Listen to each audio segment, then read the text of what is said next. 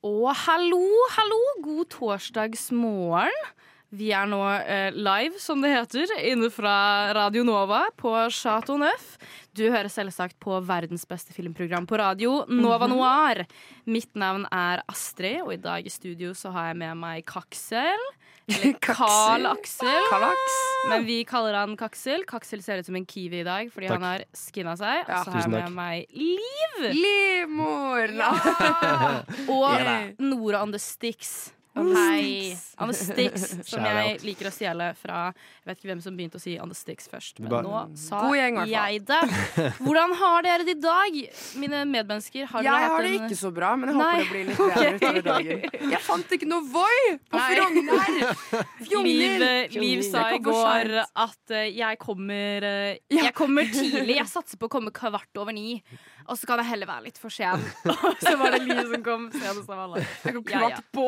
Det er lov. Det er veldig lov. Du kom før vi begynte, da. Ja. Jeg er veldig stolt av deg, Liv. Så nå kan det bare gå oppover. Ja, det, det er veldig Med sending og alt. Det er fordelen med, Med god gjeng. Det blir bra, det her. Hvordan har du det, Kaksel, bortsett fra å ligne på en kiwi? Jeg har det veldig, som en kiwi har jeg det veldig bra. Jeg, synes, eh, bra. jeg kjenner ethvert vindkast som møter meg når jeg går ut på gaten. Det er veldig deilig i håret og ikke ha liksom, en manke som stopper. Men det eh, er veldig aerodynamisk. du må huske på solkrem mellom Ja. eh, Ja, ja. Det er viktig. Altså, jeg- jeg tar bare- nå- Jeg ser allerede at du er litt sånn rau. Ja, det er jeg i trynet Ja, hele tida, for jeg, jeg rødmer hele tiden. Ja. Neida, men eh, jeg tar faktisk bare jeg, dem, jeg bare lemper på med solkrem i hendene mine, så bare smører jeg hele oh, kasjotten på huet her. Det er, Kasjotten? eh, ja, det er ikke et uttrykk for huet, men eh, Det blir en glatt liten bowlingkule. Det er helt riktig. Mm, deilig, Absolutt. deilig. Jeg har hatt en turbulent uke. Jeg har en sånn uke hvor alt skjer denne uken. I går eh, klarte jeg å he søle en hel boks med fiskesuppe i vesken min. Nei! Jo. Også, oi. Ja. Og så fiskesuppe. Også fiskesuppe. Tror- Det var, da holdt jeg på å begynne å gråte, faktisk. Det var litt mye. Jeg tror bare ikke jeg hadde tatt ut fiskesuppa, så hadde jeg bare spist fiskesuppa rett fra veska. Ja. Jeg skal være helt ærlig. Jeg hadde dryppet gjennom, da. For jeg Eller var, bare bare, var, så var jeg sånn Sånn, lårene. Så jeg, sånn, bokstavelig derfor jeg Nei, så, det, så jeg har litt behov for å liksom komme meg litt vekk fra stresset. Ja. Kanskje tilbake til litt eh, nostalgisk trygghet. Og foreshadowing til dagens eh, tema, muligens. Kanskje, kanskje. Kanskje, kanskje. Dykke litt ned i kjente, kjære, gode barndomsfilmer. Mm. Sånn at man ikke føler seg så, så ensom. Ja. Så det har vært en veldig fin uke hvor jeg har fått sett ting jeg, ting jeg liker skikkelig, skikkelig godt. Det er hyggelig å høre. Ja, Det fortjener du. Takk. Takk, Kaksi. Bare hyggelig. Bare hyggelig. Sett siden sist. Yes, da er vi over på vårt faste stikk. Sett siden sist. Eller spalte, er vel Ja. mer korrekt å si. Ja. Hva har har dere sett siden sist, Liv? Hva har dere sett siden sist, Liv? Du, oh, ja, ja, jeg- det var, det var grammatikk på sitt begynne, beste fra min side. Jeg kan begynne, Hva har dere sett siden sist? Liv? Eh, nei, du, jeg har eh, vært på veldig sånn eh, norske seriekjøre. Det er så mye som har kommet ut nå. Uh, jeg har sett uh, Kammo, blant oh. annet, på NRK. Har dere sett det? Ja. Nei, men jeg har hørt mye om det. Som er uh, veldig sånn parodi på influenser-bloggegreiene. Og hun blir støttekontakt for det med down, som er bare sånn Jeg syns den var veldig bra, den serien. Veldig gøy å se. Eh, og så er det en annen serie på NRK som heter Beist, hvor eh, kjæresten til hun derre eh, Lea Isadora spiller hovedrollen. Det handler om fotball, så det var litt sånn heimebane-vibes. Eh, og så har jeg selvfølgelig sett Rykter, som suger balle. Jeg gidder ikke å snakke om det. VGS også. Bare jeg orker ikke. Jeg bare ser på det, Orker fordi det er liksom ti minutters uh, greier hvor jeg bare kan sitte og spise litt frokost, og så ferdig. Og så Fling på TV2 Play. Mm. Yes. Jeg har bare hørt om Kammo og VGS. Av de, de ja. de der. Jeg har ikke hørt Hvilken av dem anbefaler du mest? Uh, jeg vil vel si Å, herregud. Uh, Kammo er morsom. Beist er egentlig veldig bra lag. Det er liksom en kul regi og sånn. Fling er jeg litt sjalu på, fordi viben der er veldig litt sånn euphoria visuelt. Mm. Så jeg blir sjalu, fordi det var min plan. Når jeg skal lage TV-serie, så ville jeg ha litt sånn visuelt. Eh, men det, er- det er litt mer humor enn det er liksom euphoria, på en måte. Det handler om en som blir dumpa av kjæresten, og så, skal, og så trenger hun liksom å finne, fylle tomrommet sitt, men så er det egentlig en annen som er forelsket i henne, men det skjønner ikke hun. Så det er litt sånn kjæresteromantikk. Men jeg har bare sett et par episoder. Eh, nå får jeg ikke logga meg inn på TV2 Play, så det er jo helt sånn krise. Og så kommer Bridgerton Ja. i dag, tror jeg! Så jeg, så, og fra norske serier til eh, britiske serier, Jeg- er jeg på det kjøret. Familien min er skikkelig Bridgerton-fans. Mm. eh, som hele familien. Og jeg er liksom den eneste som ikke har sett det, men jeg føler jeg kan liksom relativt mye av det bare fordi hele Ja, ja. familien ja. Men det er jo bra. Ja, Til og med du kan liksom Til og med du Ja. kan se på det. Ja, sånn, OK. Selv du og alle, ja, Aksel. selv Nå er du frekk. Nå er du frekk her. Nei, men du kunne digga Ja. det, fordi ja. Men hva har du sånn, da? Jeg, eh, ja, jeg har sett masse på Bridgerton. Nei, jeg har ikke det. Men eh, jeg har vært veldig syk i det siste, så jeg har vært Åh, veldig mye hjemme. Eh, så over helgen så, så jeg elleve filmer. Som var Oi, en eh, Elleve filmer! Ja. Fordi greia var at sånn kan vi, Når vi bare skyte med en liten ting Vi drev og planla dagens sending over helgen. Ja. Og Karl Aksel svarte ikke. Som, Nei! Ja, jeg vet Og jeg tenkte sånn Og Karl Aksel er på jobb. Ja, ja, Fordi du, du jobber som sykehjelpepleier. Jeg vet Ja. ikke hva forskjellen er. Mm. Um, så jeg tenkte sånn, Karl Aksel er på jobb, han gjør et eller annet viktig. Og så sånn på mandag så krøp det kanskje var sånn Sorry, jeg har vært veldig syk og bare Mm. vært litt ikke svart. Og nå må jeg vite at du bare har og før det Jeg har gjort noe viktig! Men Karl Aksel, før det så sa du sånn Å, jeg har ikke så mye tid sjæl til å se på så Men mye greier. Jeg. Og så har de sittet og sett elleve filmer, liksom. Men hvilke filmer har du sett? Ja, uh, av de jeg har sett. Altså Jeg skal ikke nevne alle sammen, for det er en del. Men av de jeg vil nevne, så har jeg sett Amour av Michael Hannicky. For jeg har vært på en veldig sånn uh, Michael Hannicky-kjør i det siste. Etter jeg så The Piano Teacher i november, uh, syns jeg den var veldig veldig bra. Og så så jeg nå Amour, som kom ut i 2012. Som bare handler om eh, et ektepar som er 80 år gamle, hvor eh, kvinnen da får et slag. Eller ja, eh, dama i forholdet da får et slag. Eh, hvorfor ler du? Nei, Hva hva er galt med deg? Nei, jeg, nei. Hva er galt med deg? Fortsett. Men uansett, uansett du får et slag, og det påvirker veldig ekteskapet deres. da Det er skikkelig sånn skjærende og bare Du er syk i hodet. ja, uansett. Uh, en veldig hjerteskjærende film, og bare helt knusende. Uh, men også insanely bra. Kanskje en av de bedre jeg har sett liksom, i, i nyere tid. Veldig veldig glad for at jeg så den. Den skal jeg se. Eh, jeg ja. Den er ikke, altså, den er ikke hygg, noe hyggelig i det hele tatt. Sånn, eh, du må jo liksom være på de laveste. Jeg var liksom jeg var på liksom jeg var på tredje dag med sykdom, og jeg var liksom Jeg var litt uh, lamslått, på en måte. Jeg var det. Så jeg, den her passa godt å se da. Da trengte jeg liksom noe, noe sørgelig. Men annet enn det så har jeg også sett eh, 2001, en Ja. romjulse på Cinemateket. På 70 millimeter der. How was it? Huh, den, var, eh, den var gæren. Jeg Den var veldig den, men den burde jeg egentlig Den burde du Jeg burde blitt med og sett, egentlig. fader. De har visning i dag, faktisk. Siste visning eh, som de viser av den. På Cinemateket. En liten advertisement. Ikke egentlig, vi får ikke betalt av Cinemateket. Men eh, De bare elsker Cinemateket. jeg er veldig glad i Cinemateket. Selv om det var min første gang jeg hadde vært der òg, da. Men, men ja, det er veldig god opplevelse. Veldig god film, selvfølgelig. Og veldig gøy å se på lerret. Hva har du sett, Astrid? Jeg uh, har sett ja, Det høres skikkelig fucka ut, men jeg har dykket ned i et sånt eh, Ikke fordi jeg er uh, høyreving selv, men jeg har bare blitt veldig obsessed med sånn alt-right, dokumentarer om høyreekstremisme. Mm. Og så fikk jeg opp noe reklame eller noe sånt nå for en TV 2-dokumentar, um, Det hvite sinnet, som undersøker ulike høyreekstreme miljøer i Norge. Som var veldig spennende. Jeg syns det er et veldig spennende tema, ekstremisme generelt. Og veldig viktig, for jeg tror man ignorerer veldig sånn at høyreekstremisme absolutt er på opptog i Norge. Det det. Mm. Så det jeg har sett på, kan anbefale. Og jeg har sett på Ja. Er, det, er det liksom sånn Nordfront og sånn? Jeg vet De hadde jo en veldig Ja, sånn svær greie Og så snakker de om nordiske motstandsbevegelsen. Det Ja. derre Vigrid som er oppløst nå, og hørt om. Boot Boys. Det går inn på liksom han um, Jo Erling Jahr, han som drepte Benjamin. Ja.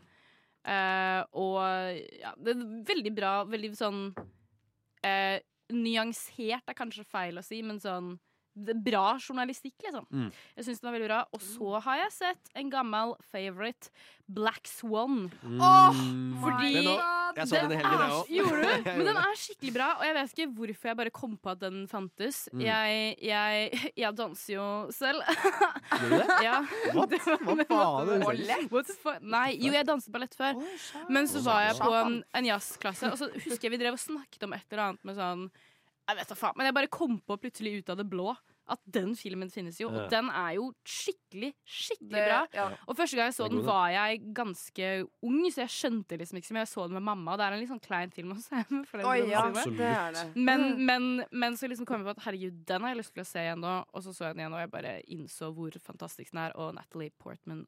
Ja, Ja. Hun lærte seg ballett for Ja, den Ai! Og hun, eh, hun er god i den filmen der. Hun er, det er crazy. Hun kanskje er den beste rollen hennes Ja, typ noensinne. Men det, det, det beste er at den den blir, den blir liksom Den er like bra Ja, hver gang du ser den. Mm, selv om du på en måte imponert. skjønner greia. Liksom. Og så merker det er sånn film du merker nye nyanser og nye Ja, ja. ting Ja, hele tiden. det Og det. sånn jeg merket at uh, en veldig kul ting, siden hun har denne kampen mot sitt indre jeg, Mm. sin mørkere side. Nesten alle scenene i filmen inneholder en eller annen type reflekterende Ja. overflate, så hun ser sitt Mm. alter ego Ja, i den.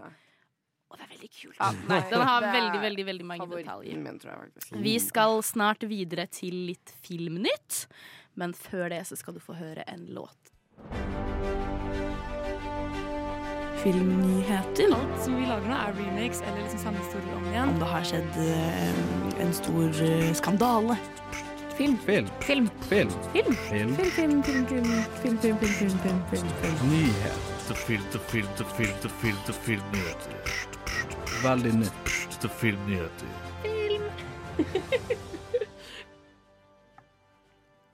Yes, da er vi over på litt filmnytt. Hva har skjedd i filmverden siden sist? Ja, du, nå skal jeg fortelle har du noe å meddele? Ja, ja, ja. Jeg er jo Jeg ser bare på serier. Liv gnir seg igjen. eh, Ja, og jeg oh, Er dere klare? Er dere klare? Oh, jeg gleder meg så mye. Jeg gleder meg så mye til det her Oi. fordi det kommer en ny sesong av Black Mirror. Nei! Jo! Hæ? Og det er jo det Forrige kom jo i 2019, Mm. så det her er bare sånn alle er sånn Oh my god. Jeg gleder meg skikkelig. Jeg håper den blir bedre. Er det lov? Jeg håper den blir Ja. bedre. Ja, men jo, for jeg kan faktisk si det at han, han eh, serieskaperen, da, Charlie Brooker, sier at denne sesongen vil overraske den også. Mm. Fordi uh, han sier Jeg har alltid ønsket at Black Mirror skal inneholde historier som er helt forskjellige fra hverandre, som fortsetter å overraske folk, og meg selv. Så han mener at sånn Jeg håper folk kan enjoy this, even though you shouldn't. Godt sagt. Veldig gøy. Jeg, jeg syns jo forrige sesong var litt grann skuffende. Så det Ja. ble Ja, litt, syns du det? eh, Med ja. Miley Cyrus. Ja, den og- episoden syns jeg var helt håpløs. Å ja, jeg syns det var så gøy at hun liksom endelig var på skjermen igjen. da Jeg syns, altså, de var gode, så, liksom. Og spilte en slags sånn Hannah Montana. Ja, hun er en ganske greie. god rolle, liksom. Og så skjønte jeg på en måte stikket mot Disney Mm. Channel i den Ja, filmen. Men ja. nei, i, i, i um, det episoden. Ja. Men jeg bare Nja. Mm. Det var litt for snilt ass, til å være Mm. Black Mirror, akkurat den episoden. Ja, det er jeg kanskje enig i, for det er jo sjuke Ja, jeg syns generelt sesong Er det sesong fem som var den forrige som kom Ja, ut? for det er sesong Mm. seks som kommer nå. Ja, den var, liksom, den var veldig snill, og det jeg likte med Black Mirror, er at du, du eh, sitter der og må pause når liksom plot twisten kommer og er sånn eh, mm, Jeg må bare hente vann. Ja. Mm. Eh, og jeg bare fikk ikke helt det ut av Nei. sesong fem. Men Men jeg kan Black vi Da jo vi jo glede oss til sesong seks, da, for det er jo tydeligvis eh, det som kommer til å skje. Mm. Og så er det jo mange som lurer på hvorfor har det tatt så lang tid, og det er jo da Bare gjett hvorfor det har tatt så lang tid. Korona. Ja, oh. retten og Mm, slett. var den. First Og så eh, litt sånn eh, problemer rundt eh, rettigheter og litt Ja. sånn. Ja. Bare. Men Skjønner. fordi han skal ha forlatt produksjonsselskapet sitt, startet nytt. Mm. Så eh, ja. Men er det nå det har, det har vært en prosess som har skjedd nå, så det, blir, det er et nytt produksjonsselskap til den nye sesongen? Vet du det? Er det? Uh, ja, fordi det tidligere produksjonsselskapet skal ha eid en del rettigheter. Så han måtte Sånn, ja. liksom avtale det rundt det med Netflix og sånn, da. Ok, jeg skjønner. Men Så- ja. Det blir spennende å se om det påvirker, eh, påvirker serien nå, da Det kan jo bli litt, litt spennende å følge Ja. med på. Mm. Og jeg gleder meg så mye. Det er bare sånn, Ja. det, er sånn det er en sånn serie jeg har lyst til å lage selv. Ja. er bare sånn er, og, og at episodene liksom er uavhengige av hverandre også. Det Mm. skal det fortsette å være. At de liksom snakker for seg selv. Ja. Mm. Så Men så har de samtidig sånn hele- noen ting som går igjen. Ja, ja, ja. Det er vel satt i samme univers, Ja, men, det er jo litt sånn men det er litt sånn, du trenger ikke å se dem i rekkefølge. Jeg husker Nei, nei, Første nei. gang jeg så Black Mirror, var sånn jeg var på ferie i Kroatia eller noe sånt, og trengte et eller annet å se. Og så klikket jeg bare inn randomly. Jeg var jo ikke ute i, på, i Syden hele den ferien, for jeg måtte Nei. bare ligge inne og Oh se på. Og du ser jo har- ikke noe på skjerm når du ligger på solseng, Nei, så jeg var inne på hotellet og så Black Mirror. Jeg hadde genuint akkurat den samme opplevelsen. Oh at jeg var på guttatur i København, og så Oh endte oh vi opp med alle sitte på hver vår telefon. og sitte og, altså, vi var der i en helg, og vi, vi var liksom ute sånn tre ganger totalt. Eller noe. Ah, Så som hele, hele helgen. Det var litt Men gøy. eh, det blir litt sånn sommer, for det kommer i juni. Å. Allerede i juni farlig. kommer Får gjort ikke gjort noe Skal, vi kan komme med en oppdatering på eh, release date. Yes. Det får vi gjøre. Har dere en favorittepisode av de Black Mirror-tingene som er ute så langt? White Christmas, tror jeg. Ja, den er kjempebra. Mm. Jeg er veldig glad i uh, Crocodile. Ja, den er også veldig bra. Mm. Jeg, jeg, eh, altså, en jeg liker som er litt mer koselig, er jo Hang the DJ. Den synes Ja. jeg også er veldig bra. Ja, ja Så den jeg overrasket likte meg. Den. Jeg også likte den, faktisk. For den var litt sånn di altså, diversion fra de andre, Ja. Ja. fra de andre episodene. Hadde ikke du en nyhet òg, eller? Jo, jeg har det. Eh, jeg har det. Det har jeg absolutt. Jeg kom på det nå. Jeg bare ble Hva er din jeg har det, nyhet, altså. Kaksel? Min nyhet er at uh, Dune 2 sin uh, offisielle trailer uh, eh, kommer ut. Denis Villeneuve sin, sin, sitt mesterverk nummer to kommer ut. Altså, eller det er opp for Ja. debatt, absolutt. Det er jo ikke alle som har vært helt på den hesten. Men, Nei, ikke jeg heller. Eller ikke jeg. jo- Ja, Har ikke vært på den hesten her, nei. Nei, ikke sant. Men nå, for å lære deg å ri, Liv, det, det får du kunne klare. Eh, men Hvorfor hvorfor ler du? Ja, men uh, Jeg det jeg ler mente masse i dag. Det blir kjempegøy. Sorry. det men- Sorry. Men uh, uansett så blir det en Jeg tror det blir en bangaround-film. De har jo med seg halve Hollywood nå. Uh, så nå på Jeg Wes føler Anderson alle filmer er sånn i det siste. Ja, det hva som, er litt, skjer? det som er litt spennende nå, er at jeg tror at hele Hollywood er okkupert med Wes Anderson sin Astrid Ja. City, Ja, Nolan sin. Oppenheimer og med den uh, Dune 2 av Denis Og Babylon liksom. Babylon var jo også Ja, ja. bare Jeg har ikke sett Dune 1. Jeg har Nei. ikke heller ikke sett Men, eh, eh, eneren. Men det burde jeg. Men jeg bare Absolutt. trodde den skulle være à la sånn en slags kombinasjon av sånn Hunger Games, hva heter det, The Maze Runner og Ja, men Divergent. da for det virker ja, det, For da hadde jeg sett for det virker, for det virker litt sånn Og det er sånn, ikke at jeg ikke liksom liker å se på de filmene av og til, for det er jo god Mm. underholdning, men det liksom jeg bare, bare hadde liksom ikke megahøye forventninger. Men så Ja. hadde alle sagt sånn Det må du se. Men det er definitivt en kinofilm. Jeg, jeg, Ja, lurer, Ja, det det jeg håper jo litt på at de har noen uh, ekstravisninger nå på Dune 1 på kino, Ja. ettersom Ja, 2 kommer ut. Da burde jeg kanskje dra og se den. Absolutt. Fordi det er, det er en så syk kinofilm. Ja. For den er så, den er så visuell. At. Og eh, den er, er lang, er den ikke det? Da klarer lang. ikke jeg å sitte og se på den Nei, Jeg skjønner det. Det er veldig, Men en veldig faen som dere ranta i chatten i går på Ja. 2. Jeg bare, jeg skjønner ingenting. Internt, Zendaya eh, hadde én replikk. Jeg bare sånn, jeg vet ingenting. Ja, har. Messenger-chatten til, Ja, eh, til Nova Noir. Er mayhem. De har, og jeg er ikke eh, noe god til å være på Messenger, så jeg liksom kommer inn der etter et par timer og er sånn jobb, og, og det sto og i går var det- sånn 258 meldinger! Ja, I går var det trusler hiten og diten, og Lars som så nei. Det var en eh, veldig intens aften i går da vi diskuterte Dune 2. det Dune 1. man, det, ble, det ble mye krig. Det ble det. Det blir Det, kan, mer det er mildt sagt. Ja. Ja. Du hører på Nova Noir, filmprogrammet på Radio Nova. Spoilere kan forekomme.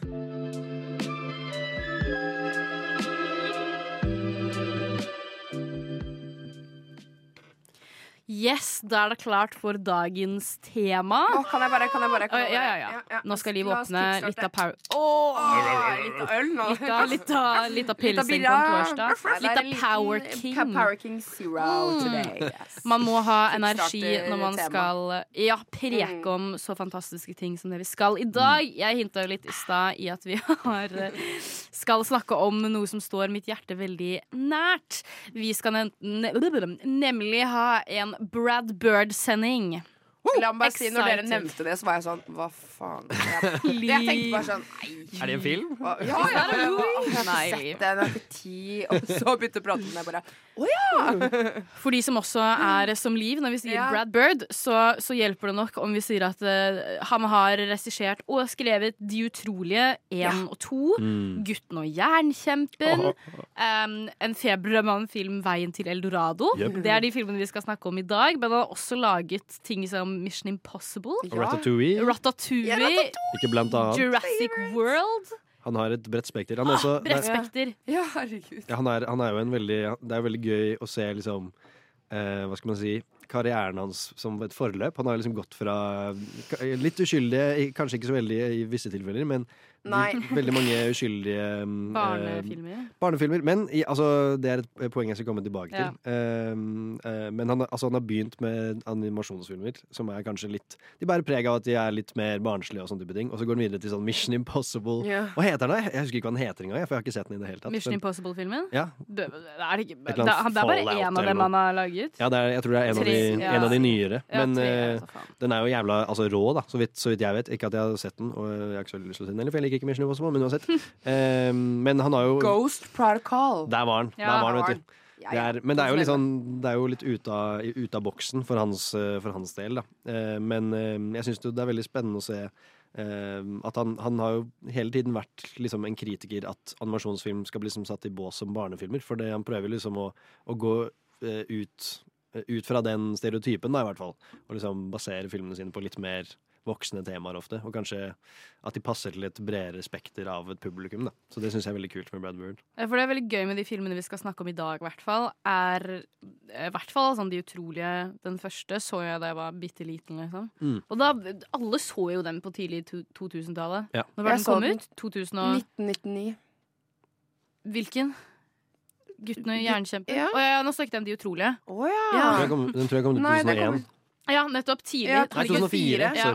Da var jeg Da ble jeg tre år. Da var jeg Ja. to år, liksom. I was just a Oi, baby. satan. Ja, i satan, der har du noe å tenke på eldre, liv. eh, Men, men For jeg husker den kom ut. ja, men jeg husker liksom, det var liksom Man så dem, og de var kule, bra barnefilmer. Men det var Mm. det de var. Jeg tenkte ikke noe mer over dem. Ja. Og så når du Mm. ser dem i voksen alder Å, det er skikkelig bra filmer, ass! Og Brad Bird han legger så mye mm, sjel og detalj inn. Og det Mm. overrasker meg sånn sett kanskje ikke heller at han har begynt å lage filmer som Mission Impossible Ghost Protocol, fordi uh, i, eh, De utrolige er jo skikkelig skikkelig actionfilmer, Ja. liksom. Det er jo ja, det. nesten imponerende at de er animerte. Det er, jeg kunne Mm. så sykt lett sett for meg at De utrolige var um, en live action-film. Ja, absolutt. Jeg synes også det er veldig gøy å se altså, disse filmene som kanskje appellerer mest til barn, sånne animasjonsfilmer og sånne type ting. Så, altså for eksempel Shrek, da. Men som også opprettholder sånne Mm. vitser og en tematikk som ofte er litt for de eldre. Det syns jeg det, det holder veldig godt, og du får liksom tatt med deg all slags folk. Det, det blir jo veldig sånn, Du tar jo med deg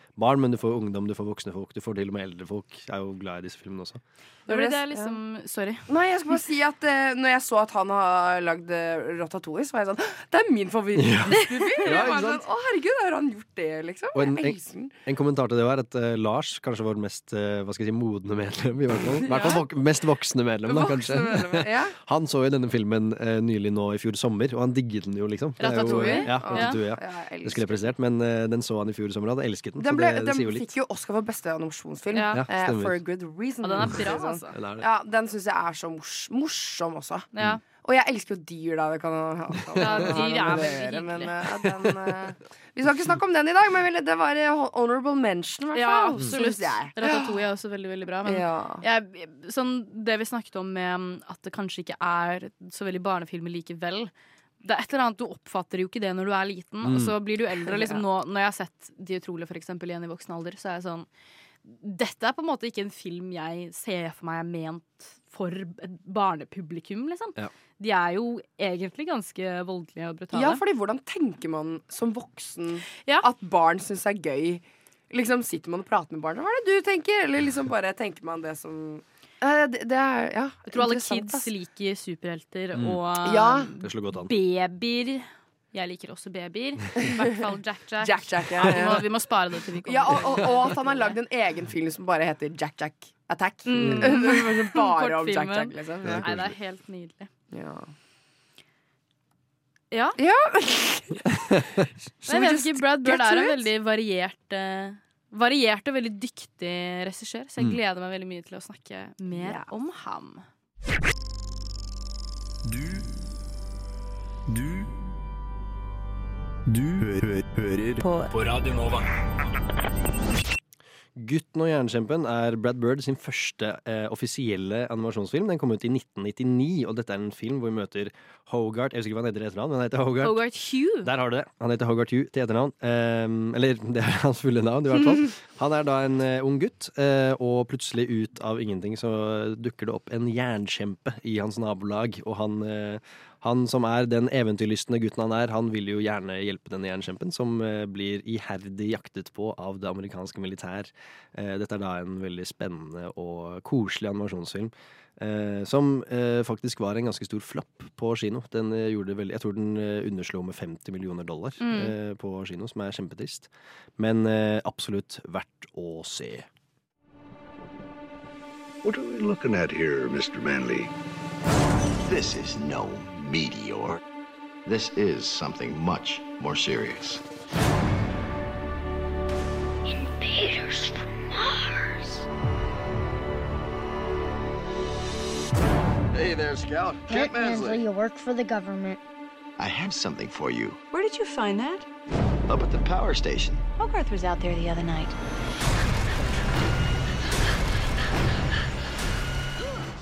Åh, det Wow. er eh, actionfylte, veldig, veldig spennende saker. Mm. Um, Nei, jeg så faktisk denne filmen for første gang for ikke altfor lenge siden. Jeg hadde aldri sett den før. Det var liksom ikke en film jeg vokste opp med. Og så, som vi også støtte på med problemer før vi skulle se den, den er ikke tilgjengelig Mm. på så veldig mye strømmetjenester.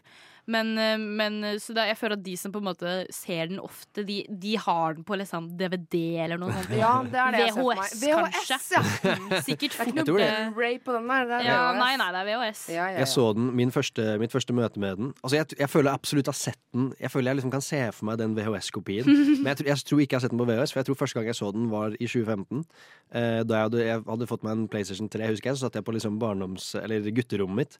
Og så satt jeg og så på denne filmen alene i stolen min. Eh, og så Dette er jo en veldig følelsesladd film, og jeg begynte å liksom hulke. Jeg begynte å hylgrine, liksom. Ikke, eller jeg hylte ikke sånn altfor mye, da, men lite grann i hvert fall. Du gjorde det. Eh, ja, jeg gjorde det. Ja. Så moren min kom jo opp til rommet og trodde at ja, hun trodde jo et eller annet hadde gått alvorlig galt. Men jeg, jeg, jeg klarte jo ikke å liksom holde ehm, Følelsene tilbake. Jeg klarte ikke, de, de bare begynte å strømme. Så jeg satt jo og, gråt, og mamma trodde et eller annet hadde skjedd. Men det var bare stakkarslige meg som så på Gutten og jernkjempen. Ja, det er jo en berg-og-dal-bane av følelser på den. Mm. eh, Men den bare er bygd opp, pacingen er så bra, Ja. og du får Det er liksom ikke én spenningstopp. Det er jo en ganske høy spenningskurve mot slutten, sånn standard Hollywood-modell for Mm. de som um, liker dramaturgiteori. Men, men jeg føler at spenningen begynner veldig tidlig. Hele filmen åpner jo med at det er en um, somewhere uh, rundt jordens bane. Ja. Vi begynner ute i verdensrommet i 1997, er det der den er satt? 1999, eller er det 1999 den er satt i? 50-tallet? Er det 50-tallet? Jeg, jeg tror det var USA rundt på Å ja, 50-tallet? psyk. Ja, det er det kanskje. Never mind. Men, men det, det er jo jernkjempen, da, som Karl Ja. Aksel sa, er jo egentlig en eh, ting som kommer fra ytre rom. Mm. Som en slags sånn satellitt som krasjer i jorda, i Ja. havet. Skremmer dritten ut av en uh, fiskemann først. Jeg må si noe om den åpningsscenen, for jeg syns den er så bra. Den, den er er, så, den er så intens. Den er kjempebra. Og den er liksom, eh, for å være altså den ble, Jeg tror på den tiden også ble den jo liksom eh, reklamert som en barnefilm. Men den åpner jo absolutt med en skikkelig intens scene hvor man ser bare denne eh, Altså, det er en mann, eh, en fiskemann som er alene på en båt. Han er ute på sjøs, og han er helt alene. Bølgene er 15 meter store, og han holder på å og, og kanter båten sin eh, konstant. Og så bare plutselig, så bare rett foran ham, så bare står det en jernkjempe. Og den er Eller en robot. svær, Det er ass! gigantisk! Det må være Jernkjempen er meter, kjempestor. være- Den er helt uh, sinnssyk. helt gigantisk. Ja, men det er det jeg liker med den. Spenningen begynner så tidlig, og den holder seg hele tiden. Du kjeder deg aldri. Det er en ganske kort film. Den er eh, 1 time og 26 minutter eller Ja. noe sånt. nå. Mm. den, den fyller seg godt. Den fyller seg kjempegodt, og jeg er også uh, bawling my eyes out. Ja. Jeg gråt ut sjelen min. Vi, eh, Vi, vi har lov til å spoile sluttscenen. vi kommer absolutt til å spoile. 1999, så Hele ja, det er filmen. lov. alert. Helt er mot slutten. Når han 24 år for sein, hvis jeg ikke har sett flyr, flyr opp mot uh, det, det, det ender jo militære jakter på jernkjempen. Mm. For de tror jo han er en Det er også veldig interessant, nå sidetracker jeg igjen, men Brad Bird er jo eh, eh, ikke så veldig mørkeblå. Ja. Han er ikke sånn kjempeglad i mm, capitalism Ja. Og alt det der. Autoritær og Nei, så han, Det er jo egentlig kjempekritikk av um, amerikanske samfunn og kald krig og Mm. sånne ting. Og det er veldig mange sånne hint gjennom filmen som uh, hinter mot at ja, det er kald krig. Det er jo for eksempel en scene hvor Hogarth sitter i klasserommet sitt, Mm. og på den videoen de ser i timen, så er det sånn derre If there's an atom bomb, run and hide. Den er så bra, den. Den er kjempebra, men det, er jo, Det- det ligger sånn underliggende at det er kald krig. Ja. USA står på kjempespenning mot uh, Russland. Mm. Og det er jo da man tror jo at jernkjempen er et eh, sovjet, Ja. sovjetisk våpen som har kommet fra det ytre rom. Mm. Og det er derfor militæret jakter på det. Men det er jo en sånn kritikk av eh, ja, amerikanske regime, amerikanske militære og hele spenningen og sånne ting. Mm. Nei, jeg synes jo eh, Det er jo litt trist det der òg, fordi han, eh, gjennom hele filmen så ser man jo at eh, jernkjempen har en slags bulk Ja. eh, i siden av hodet sitt. Um, og så mot uh, Og så man, man begynner jo å lure litt på hvorfor den er der i det hele tatt, og alt mulig, men på slutten av filmen så ser man da at uh, denne bulken blir rettet ut, og da plutselig så går liksom disse våpensystemene hans i full aksjon, og man ser liksom selve kraften hans, og man ser han bare uh, Altså Med en gang jeg ser et våpen, så er det en trussel, og da må han angripe. Det er liksom, det er kodet inn i systemet hans. Han må, han må bare drepe. Og det er så trist å se at altså, Kanskje hvis han ikke hadde hatt den kulen, hadde han blitt venn med Hogart i det hele tatt da? Hadde han klart det? Altså, det er jo som om det er en, eh, en, eh, en feil i systemet hans som gjør at han må bli venn med Eller at han blir venn med Hogart, da. Og det kanskje ikke hadde vært et utgangspunkt hvis han hadde vært en eh, quote unquote frisk robot. Ja. Og det er det jeg liker så godt med den filmen. Det er Karakterene er skrevet så enormt bra. Og det er sånn jernkjempen kunne liksom vært en veldig sånn kjedelig, apatisk karakter. Mm. Men han har så mye personlighet, og det er det Er han Det blir også aldri avslørt hvor han egentlig kommer fra. Nei. Om han er en russisk, eh, et russisk våpen, eller om han bare kommer fra intet. Og Mm. dynamikken mellom han og Hogarth er så fin, fordi Hogarth er jo egentlig en veldig ensom gutt. Mm. Han er veldig utenfor på skolen. Han har egentlig ikke noen venner. Han er nok litt sånn eh, Litt mye, syns nok mange. Ja. Eh, og så blir han venn med jernkjempen, og jernkjempen, sannsynligvis da fordi han, kanskje fordi han har denne bulken i hodet, Mm. oppfører seg jo som et barn. Han, han er jo ikke voldelig i det hele tatt. Han lærer seg liksom å snakke av Hogarth. Og Derfor er det så ekstra hjerteskjærende når man, når man plutselig ser at han Det er vel en scene hvor han um, um, avfyrer et våpen, Mm. og så kommer han liksom tilbake til seg selv, til sin gode, barnslige jernkjempe. Mm. Og da blir han helt sånn Herregud, han får sånn identitetskrise. Sånn, Hvem er jeg? Hva er det jeg har gjort? Jeg har skadet, eh, skadet noen. Jeg har utrettet vold. Nei. Det er jo flere scener hvor man ser liksom eh, Hva skal jeg si Det er rart å si hjerte, eller det ekte hjertet til, til Eller kanskje ikke det ekte hjertet, men i hvert fall det hjertet som eh, Eller den sjelen han dannet når han ble kjent med Hogarth. Eh, for eksempel da det er noen jegere som har skutt en hjort, og han har, eh, altså, jernkjempen har nettopp sett denne hjorten og er sånn å, det er, det er som en liten venn Det er som en liten venn som ligger der, som han har lyst til å plukke opp og helbrede. Ja, Men, men hjorten ligger der død, og det bare Åh. Å, det er så trist. Astrid, jeg ser tårene Ja, i jeg øynene til Astrid akkurat. Jeg gråter av jeg grå, Det er veldig få filmer jeg ikke griner av. Det skal jeg snakke om i de andre Var det her du skreik på rommet ditt? Nei, det, er, var- nei, det var det jeg skulle komme til uh, i stad. Jeg snakka meg vekk. Det er én scene jeg gråter. Det er tre scener jeg liksom Fire scener I'm balling my ass out av denne filmen. ja. Hjortescenen. Helt på starten når han blir påkjørt av toget. Yep. Når man tror han dauer. Drittrist. Så er det en scene jeg gråter av bare fordi den er så forbanna fin. Når de først liksom blir venner, så løfter han opp Hogarth i hånda, og så går de på tur. Mm. Og så åpenbart sluttscenen når um, eh, he, alle, hele det amerikanske militæret er etter han. Så er det en eller annen tulling som til slutt avfyrer en atomvåpenrakett Mm. mot uh, Maine. Det er vel der um, um, handlingen er satt. Mm. Og eh, fordi de skal drepe jernkjempen. Og da blir plutselig jernkjempen sånn Nei, hvis den treffer på land her, så dør jo absolutt alle. Ja. Så da flyr han opp i lufta mot jernkjempen Nei, mot uh, atombomben. Vi burde jo også presisere at uh, gjennom hele filmen så eh, Jernkjempen føler seg jo ikke tilpass i Nei, det samfunnet han blir satt i. ikke. Men Hogarth eh, viser han jo magasiner med blant annet superhelter, og filmer med superhelter og sånne type ting. Ja. Og, Og da, blir han inspirert av Supermann, Ja. og derav kommer den jævlig trist til slutt. Så jeg, Ja. Rett før han flyr inn i Rett før han flyr inn i atombomben, så sier han jo, fordi Hogarth har sagt til han før Du velger hvem du skal være. Mm. Du kan være Supermann hvis du vil. mm. Og så lukker han øynene, og så flyr han inn i atombomben. Superman. Det er så trist. Jeg klarer ikke Faen, den er helt grei. Men har er dere lest eh, For det her er jo basert på en barnebok av Mm. Ted Hu Huge Mm. Hu- Hu- Hugh. Hugh! Er det det der? Ja. Ja. Eh, for det har ikke jeg. Nei, har aldri lest Men, det. Ikke boken heller. heller. Bare Nei. sett Jeg lurer på hvordan den er. Den er Ja. sikkert sånn søt liten sånn barnebok. Man kan lese før man legger seg. På Ja. måte. Jeg tror den kan sikkert vekke enda mer eh, Ja, For det er, følelser. det er det som skiller det litt, da. Uh, da han har jo eh, Det her var den første langfilm. Mm. Brad uh, Bird Ja. Mm. Og så er det jo en han ikke har skrevet selv. Ja, sånn som de andre sant. vi skal frem til. Mm. Så det er jo gøy å nevne det, da. Mm. Og den boken bør man kanskje, Ja. kanskje få Ja, lest. kanskje det. Du lytter til Radio Nova.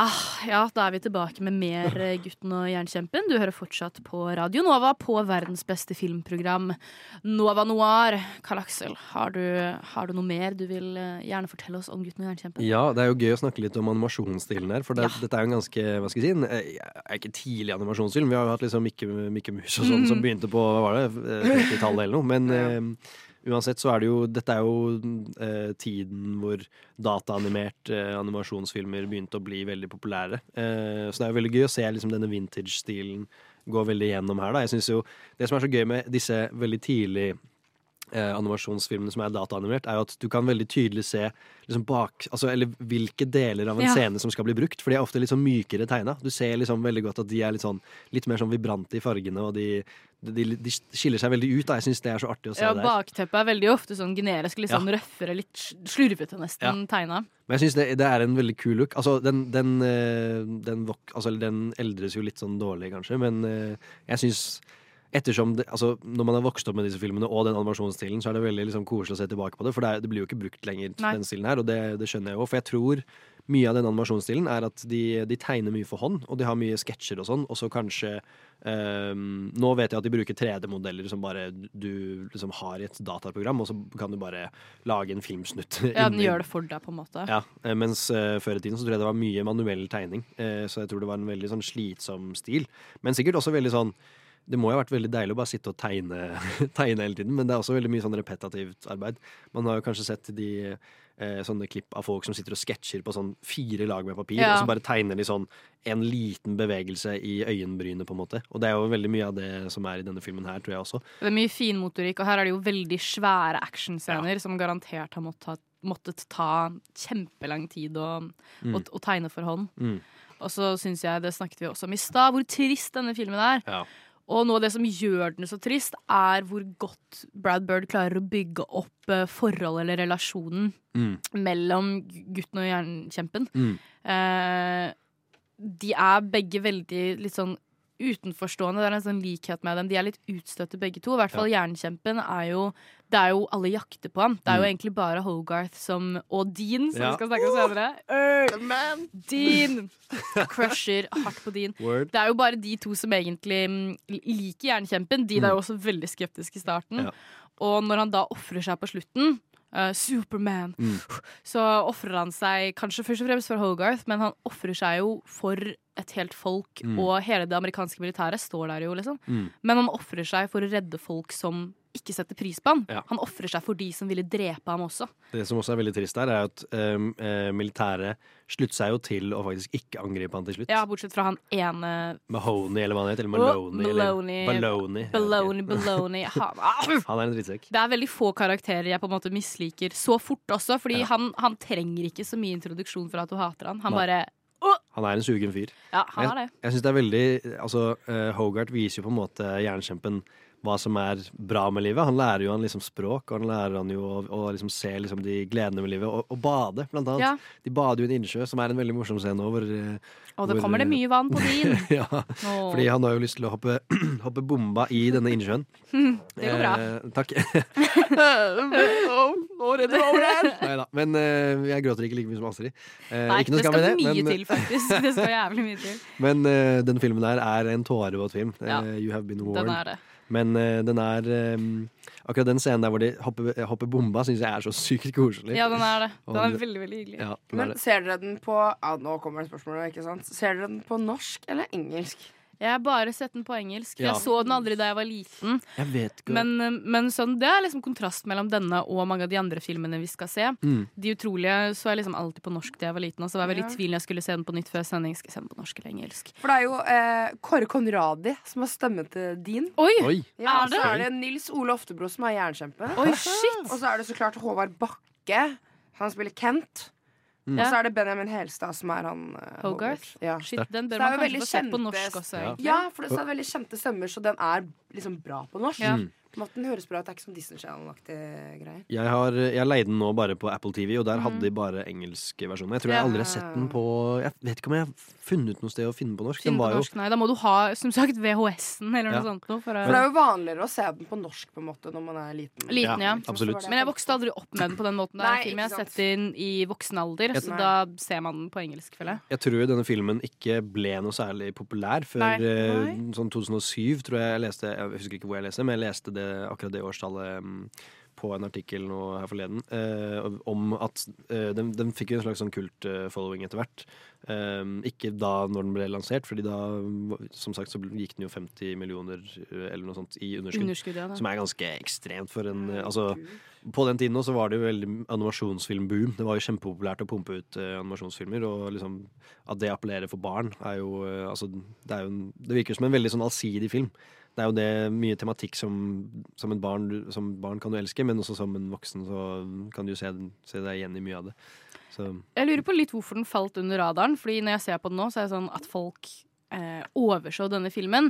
Men jeg tror kanskje at den, den er jo Den er veldig original. Den er veldig Mm. annerledes enn em, veldig mange andre animasjonsfilmer som kom ut på, på det tidspunktet. Ja. Og så er den ikke Jo, den er jo koselig, men det er på en måte ikke det inntrykket du får av den når du først ser på den, eller hvis du liksom ser på coveret. Den er liksom ikke en sånn hyggelig film. Mm. Jeg hadde inntrykk av at på tidlig 2000-tallet så skulle um, barnefilmer være enten sånn oppdragelsesfilmer, Mm. eller så skulle det være veldig, veldig, veldig koselig, og alt skulle være fint og rosa og sukkertøy. Ja. Og denne filmen er jo ikke det. Den er jo politisk og drittrist og eh, veldig actionfylt og Ja. intens. Det er jeg veldig enig i. Men jeg tror mye av grunnen til at den gjorde det så dårlig, var at Warner Bros. kanskje ikke hadde så mye tro i den. Det var en Nei. annen film som var året før, som het Quest for Camelot, som jeg aldri har hørt om, sett på, ingenting. Quest for Camelot. Ja, Den også floppa altså, noe grossalt. Eh, og den, da ble det ganske Jeg tror ikke de hadde så mye håp for den egentlig, så de brukte ikke så mye energi på markedsføringen. Er, eh, er i hvert fall det som blir fortalt. da um, Så det, den var visst ikke så veldig kommersiell Nei. rundt den tiden. Så det, det er trist, for det er absolutt en film som fortjente det. Så, men uh, igjen, det er jo veldig kult at Brad Bird, selv om han gjorde det veldig dårlig, ble jo ansatt av Steve Jobs i, uh, i Pixar senere, sånn at han kunne lage eksempel Det utrolige Ja. uh, og Ratatouille etter hvert. Så det er jo veldig kult at han, selv om han lagde en flopp Altså, Så fikk han uh, muligheter, da. ja, Mm. bare altså, Forestill dere hvis han ikke hadde blitt ansatt en i Pixar, og vi ikke hadde hatt De utrolige. Altså, det er jo vanskelig å forestille seg en verden uten De utrolige, men, Det men, uh, men ja, nei, det er, uh, det er veldig, veldig spennende perspektiv, da. En annen ting som er litt trist, som jeg bare leste nå, er at han som har skrevet storyen, døde før filmen kom ut. Nei, Så han fikk aldri åh. sett hvordan filmen ble. Mm. Men dattera øh, fikk se den, da. On his behalf. On his behalf. Som er hva da på norsk? For nå er jeg med deg, Karl Aksel. Ja. I er hans, jeg- øh, I hans uh, Navn, kanskje? Ja. Jeg vet ikke. Og øh, Norsk. elsket filmen. Mm. Ja. Så det, Det er er jo litt koselig, da. Ja. Din, karakteren din i seg selv, Wow. er jo en egen grunn til å elske filmen. Jeg er Jeg elsker, er er jeg elsker din. din, er, hat. Han er er han. Han er hat? Er det han er lov å hat. si, Han er dad. Ja, han, Han er har goatee. Han er far. Han er ikke Og han er så, men Dean er så enormt kul. Han er bare Ja. verdens hippeste, feteste laidbacke fyr. Mm. Og jeg elsker den scenen hvor de snakker om kaffe. Og Ja. Hogarth eh, han skal gjemme, Hogarth skal gjemme jernkjempen hos Dean. Og da må han sove hos Dean. Mm. Og så skal de holde seg våken, og så spør Dean om han vil ha noe å drikke. I'll have some coffee. Bare sånn, er, du, er du sikker på at du vil ha det? Det er It's not regular coffee, it's espresso, you know. You know, I'm hip. I can take coffee. Ja. Og så blir han kjempehyper. Ah, din er så kul! Ja. Din er kunstner, og han begynner å lage kunst eh, sammen med jernkjempen. Og så Mm. gjemmer bare jernkjempen seg sånn stygg kunst Ja. for det amerikanske militæret. Veldig bra dekk, dekkstory, det der. Jeg syns også det åpningsscenen med din er veldig kul, hvor han gjemmer et ekorn i Ja, buksa si i buksa si. Det- Han er skikkelig bro. Han er veldig, veldig kul med kids. Det stamfester liksom det forholdet de har sammen nå, hvor liksom eh, Hugard er alltid sånn Gjør en tjeneste for meg, vær så snill. Det er, det er ikke så stort, jeg lover. Og så er det liksom Det, det begynner med en ekorn i buksa, så ender det med liksom en, en life size, eller en gigantisk robot i liksom bakhånden din, som Ja. er egentlig et massemordvåpen. Det er liksom Det er en kul tjeneste. Det er en veldig kul tjeneste, ja. Ja.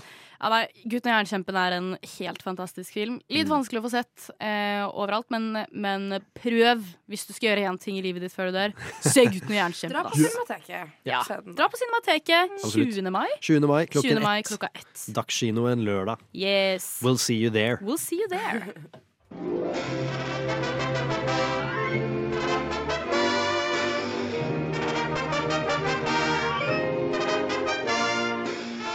lytter til Nova Noir hver torsdag 10-12 eller på podkast når du vil. Yes, da skal vi over til eh, De utrolige. Eller The Incredibles, som den heter på engelsk. Eh, det er en amerikansk animasjonsfilm som kom ut i 2004. Det er jo da en Pixar-film. Um, den vant faktisk Oscar i 2004.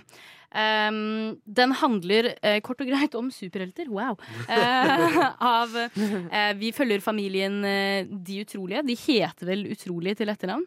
Det er herr og fru Utrolig. Um, som er tidligere superhelter. Hun er Elastigirl, superelastisk, og han er Mr. Incredible, supersterk.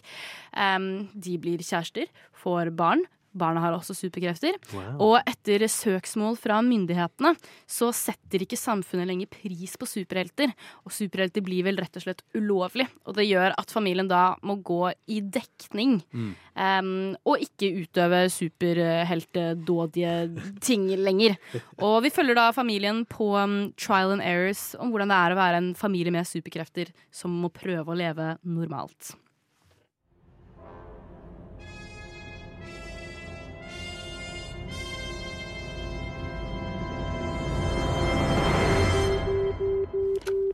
Incredible, we need your help.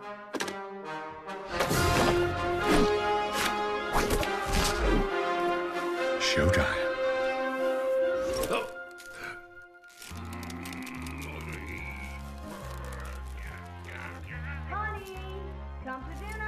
I can't come to dinner. I've got the rent.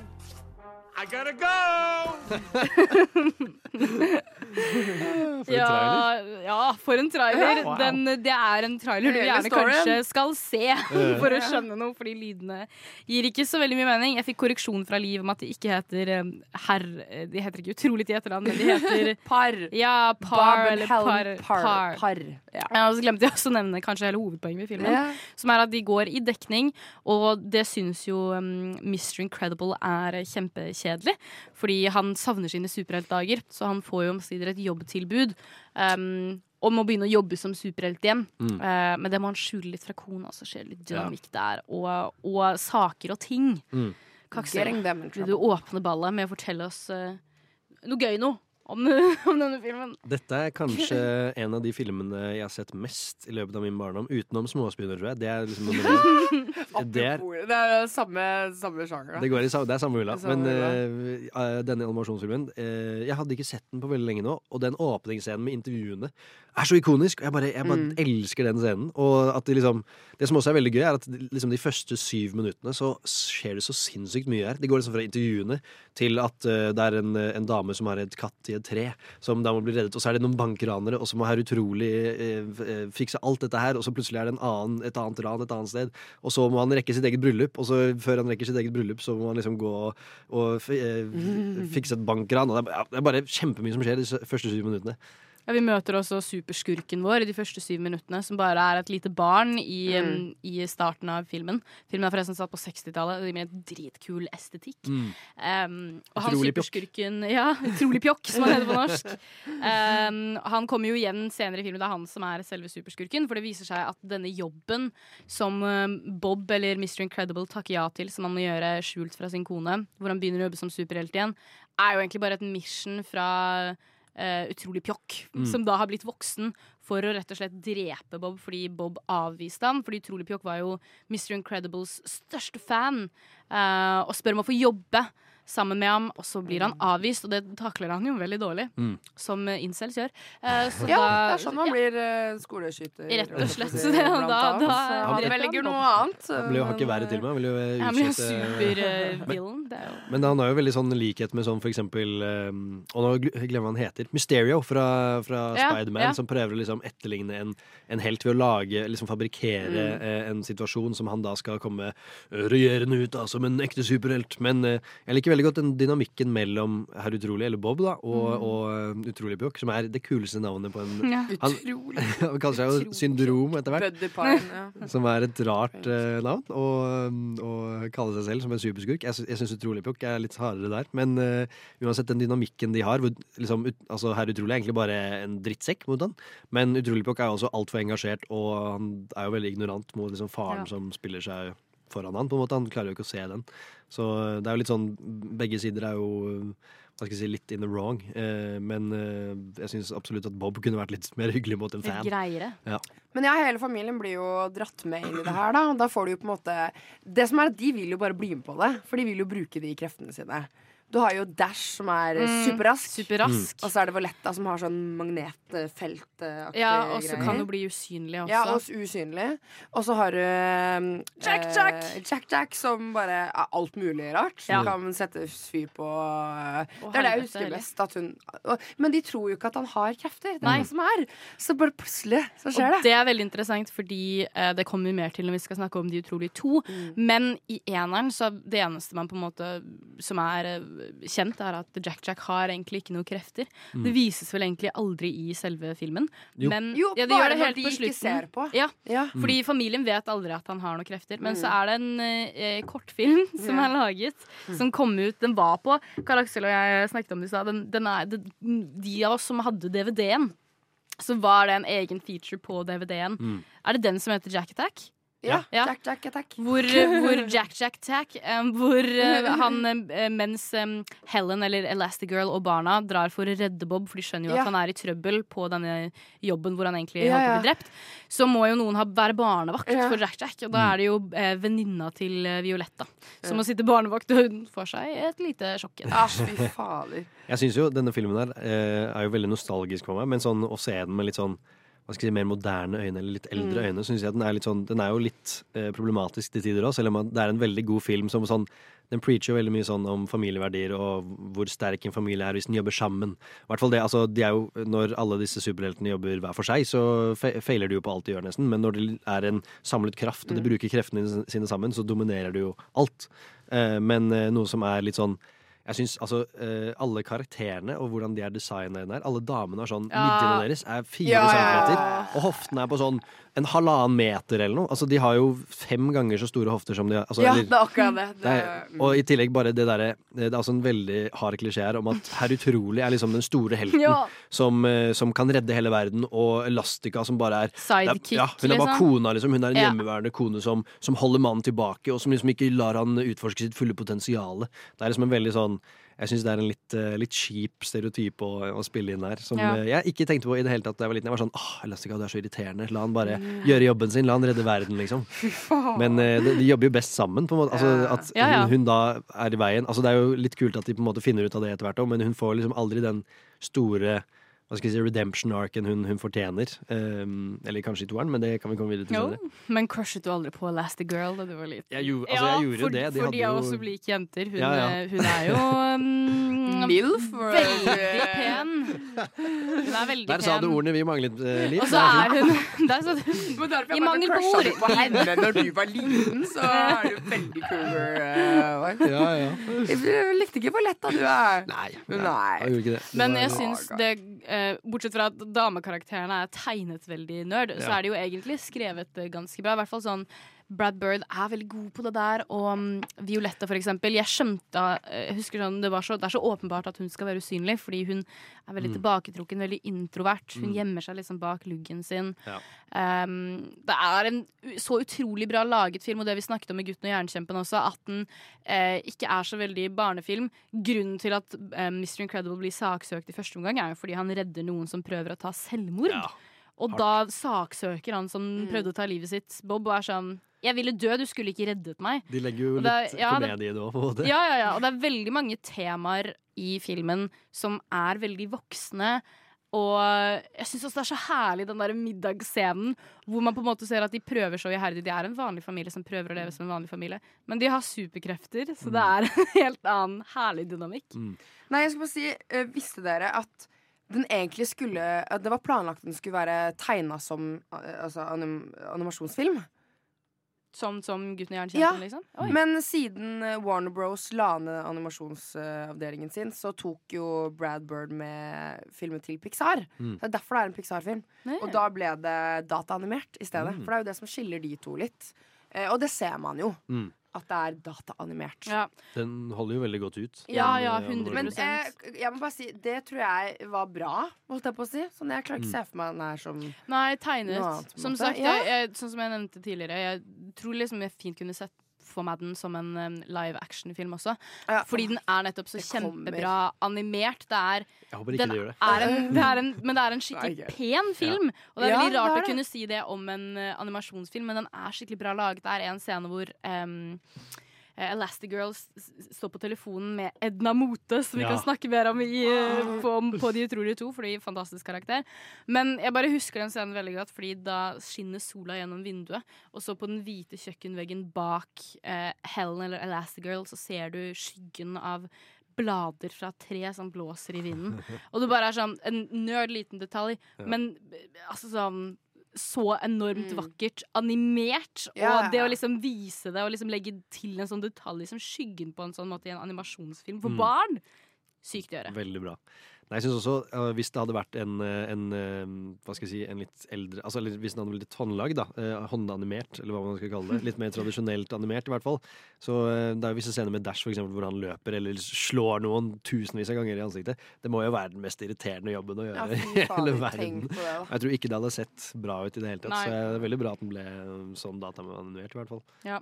Og Dash er også en helt nydelig karakter. Jeg Mm. syns i hvert fall barnekarakterene er veldig Alle karakterene er veldig troverdige og veldig godt skrevet. Mm. Uh, jeg syns jo også Utrolig Pjokk er en av de mest feteste super... Men sånn, han er en bra skrevet superskurk, liksom. Mm. Men altså Dash bare, det, er, det er troverdig, og det er derfor det er så sykt at han er animert. Sånn, når Dash finner ut at han kan løpe på vannet for første gang. Ja. Den latteren hans Ja, når han finner ut av det. Og Helt det- genuint. Og det den derre forelskelsen til Violetta Ja. i han Mm. fyren, for eksempel. I Tony Ridinger. Ja. Ridinger. Nei, det er bare utrolig godt skrevet karakterer. Um, og jeg syns det er helt sykt at filmen Og de utvikler seg så mye også gjennom filmen. Mm. Uh, jeg syns det er helt uh, herlig hvordan Bob, for eksempel Og det eh, er han, jo- han går jo ned i vekt for å liksom kunne passe ja, ja. inn i Ja. superdrakta si igjen. Og mot slutten av filmen så har også Violet liksom endelig fått brutt litt ut av skallet sitt. Så hun har liksom begynt å gå med hårbøyle og ta håret tilbake. Mm. Eh, og en av de siste replikkene mellom henne og faren er jo at Bob er sånn Did you do something else to your hair? It looks nice. Kjempefint. Men det er jo familierelasjoner da, som blir tatt opp. Så det er jo veldig sånn, bra sånn, eh, familiefilm Ja, det er det. generelt. Som tar opp alt det her. Mm. Veldig fint. Altså liker jeg veldig godt bare 60-tallsestetikken og scoren på den filmen her. Altså helt Mm, nydelig. ja. Eh, Du-du-du-du-du. ja. Veldig sånn James Bond-vibber. Ja, egentlig. Nei, vi skal snart gå over til toeren, men før det så skal du få høre en låt. Lyssna istället till Radio Nova. Nå skal vi over på oppfølgeren til De utrolige én. Den begynner rett der De utrolige én slutter. De utrolige to heter det. En Fantastisk tittel. Kom ut i 2018. Det tok altså veldig mange år. Nå Ah, kan jeg ikke matte. 14? 2004 Er det 14? 14 år, Ja, ja. 14 14 år for en oppfølger. Men herregud, for en oppfølger. Den begynner som sagt nettopp der den eh, andre slutter. Um, superhelter er fortsatt ikke sånn dritspopulært. Um, de får jo masse pepper for at de prøver å redde verden fra undergraveren, som han heter, som dukker opp i slutten av eneren. Mm. Um, masse pepper for det. Eh, må holde seg litt i dekning litt lenger. Og så plutselig dukker det opp en, eh, et søskenpar som har veldig lyst til å jobbe med Elastigirl og Mr. Incredible Mm. for å fremme superhelter for det gode og oppheve dette forbudet mot superhelter. So, are we going to talk about it? What? The elephant in the room. What elephant? Mom's new job. It's time to make some wrong things right. Help me bring supers back into the sunlight. We need to change people's perceptions about superheroes, and Elastigirl is our best play. Better than me?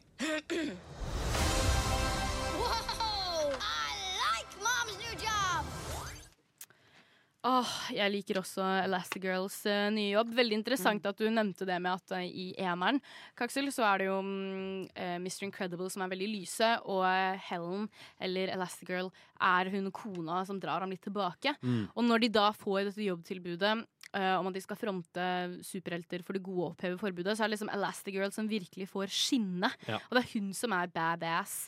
Eh, mens Bob er hjemmeværende, og det er jo kanskje det morsomste i hele filmen. Ja. Eh, Bob er jo veldig bitter, egentlig, for at det er kona hans som får um, kjøre på å være helt. En dårlig ektemann, egentlig. En Eh, rett og slett litt dårlig ektemann, men han biter jo tenna sammen fordi han er jo kjempeglad i kona si. Så han, Mm. han er jo veldig glad for at hun får den muligheten.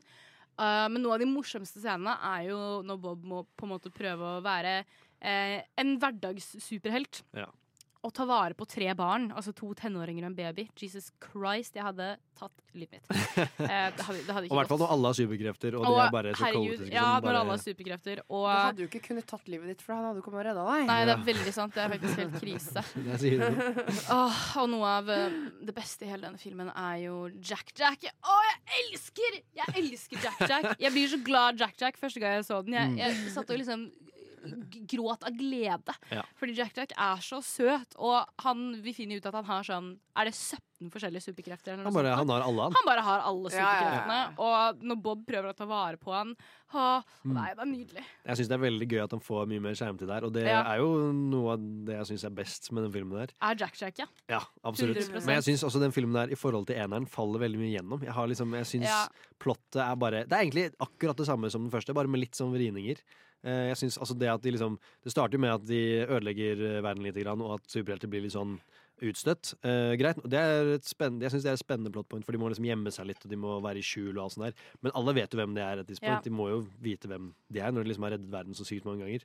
Og jeg syns bare, i hvert fall uh, antagonisten der, som eh, ikke Kjedelige, kjedelige skurker. Altså, De holder det jo skikkelig Det er en mystikk i det. At liksom eh, skurken liksom er denne, en- denne hackeren som hypnotiserer folk. Som jeg syns også er en ganske sånn løs antagonist. Det, er, det er ikke noe sånn det er ikke noe kjempespennende å, å hypnotisere folk, syns jeg. Eh, Det er min personlige mening, da, selvfølgelig. Men jeg syns også bare at det faller litt gjennom med Altså de, de bygger det så veldig opp at det er en sånn mystikk blant det. Og så er det den mest antiklimatiske avsløringen av hvem, 100%. hvem sjefen er. Eller eh, antagonisten med det, da. Jeg er veldig enig. Jeg synes det, liksom plottet, det store plottet, det store bildet, er ikke veldig spennende. Mm. Men det er liksom alle de små handlingene som er veldig spennende. Ja. Og jeg tror grunnen til at jeg fortsatt liker filmen såpass godt, er fordi du får et gjensyn med karakterer du elsker. Og to av de karakterene som vi på en måte kanskje så minst av og likte best fra eneren, Jack Jack og Edna Mote. Oh, de får jo masse skjermtid Ja. i, i toeren, og Edna Mote skal jo være barnevakt for Jack Jack. Og det er helt fantastisk. Jeg lærte jo også da jeg researcha den filmen her litt, at det er i den engelske så er det Brad Bird som er stemmen Ja, til Edna er- Mote. Edna Mote er verdens kuleste karakter. Ja. I aspire to be Edna Mm. Men det handler, det er jo, handler jo litt om sånn ja, Plottet er kanskje ikke det beste, men det er bare den ekstasen man fikk som millennial. da Som har vokst opp med den filmen. Bare sånn, Å, fy fader, det kommer en to, liksom. Mm. Så det kan hende at man fikk litt høye forhåpninger for det. Ja, da Det, det, det vil jeg tro selv òg. Men de, jeg syns jo de bare resirkulerte historien veldig mye Ja. med det de hadde før. Og det syns jeg Når de har liksom de har så, Det er så mye åsyn på filmen de skal lage, og det er så mye hype rundt den, og sånn, så syns jeg liksom de, de kunne kanskje brukt noen flere timer rundt uh, manusbordet. Men uh, sånn er det bare. Det, det ble sånn. Men jeg syns det er veldig mange høydepunkter med den filmen her òg. Absolutt, don't get me wrong. Det er veldig mye, det er veldig mye bra med den filmen her òg. Jeg så den jo på Uh, premieren i 2018 i England, så Herregud. jeg var dedikert. Ikke at jeg dro til England for å se den, da, men jeg var okay. liksom i England da den kom ut. Så- Men ser dere den her nå igjen, da? Norsk eller engelsk? Jeg har sett begge disse på engelsk før sending nå. Første gang jeg så De utrolig to, så jeg den også på engelsk. Mm. Jeg må se de på norsk, jeg. Ja. Men jeg så, jeg så jo den første gang på engelsk, eh, De utrolige to, eh, åpenbart. Men eh, jeg bare Hvilken syns du er best? Av, av filmene? Nei, du? av norsk og engelsk på oh, ja. toeren. Eh, jeg liker norsk mest, mest fordi det er liksom det, det, er det jeg Nostalgien, liksom. Det er Atle. Antonsen Ja, er det- det er fortsatt Lisa Atle på- Tønne. Ja, toeren. stemmer. Begge de to er fortsatt med. Eh, men jeg tror de endra karakter på Dash. Jeg tror ikke han har samme det Sebastian altså, Sebastian Engeland hadde i hvert fall Det vet jeg ikke hvem er engang. Nei. Han er rød på Wikipedia her. Så Da, han er vel ikke da så er det dårlig tegn. Dårlig tegn. Nei. Ja, det er. Men jeg syns um, i den filmen her òg, som um, i De trolige ene også, altså jeg, Den karakteren jeg likte nesten best som en sånn superhelt, og liksom kreftene de hadde, og alt mulig sånn, syns jeg er Frozone. Jeg synes han er Ja. kul. Jeg digger at han han er får kul. Han får veldig mye plass i Ja. toeren. Og han gjør liksom Hva skal jeg si Han er en veldig viktig aktør i den filmen der. For han er den som liksom kommer for å redde barna når både Bob og El- Elastica, eller eh, hva heter hun igjen? Elastic Girl. Ja, men hva var det ordentlige navnet hennes? Helen. Helen var det. Ja, Bob og Helen var det. Men eh, når begge de to er liksom kidnappa og hypnotisert, så er det han som kommer for å redde de, og så. Og det er også han som egentlig redder byen på slutten, når det er en yacht som er der. Så er det han som liksom lager all den snøen. Som, uh, ja, jeg bare digger Frozen. Kul karakter. Ja, Frozen er veldig kul. Han har jo også en fantastisk ikonisk replikk i den første. Where is my super suit? Veldig, veldig gøy. Men, men nei, jeg syns uh, toeren har mista litt av det derre Sånn som jeg elsker med eneren, at det er eh, på mange måter en voksenfilm. jeg føler ikke det samme om toeren. Ja. Det er eh, litt grann snillere. Mm. Litt mer barnslig. Noe av det liksom røffeste er liksom tatt vekk til fordel for at tøysete karakterer kan være tøysete. Ja. Og jeg elsker det, men det er litt sånn Det, det, det mangler den derre eh, skikkelig sånn røde linja hvor jeg bare er dødsimponert fra, Mm. fra den første. Og så er det, som jeg ikke klarer å ikke snakke om Jeg bare jeg klarer, klarte ikke å like det. Når Helen først begynner å jobbe som eh, superhelt for disse mm, dette søskenparet, så møter hun jo en hel haug med andre superhelter som også skal jobbe for dem. Og de er så rare. Ja. Klar, her er det noen som bare er sånn ja, Vi må ha noen superkrefter til de andre. Er det noen som har noen forslag? Mm.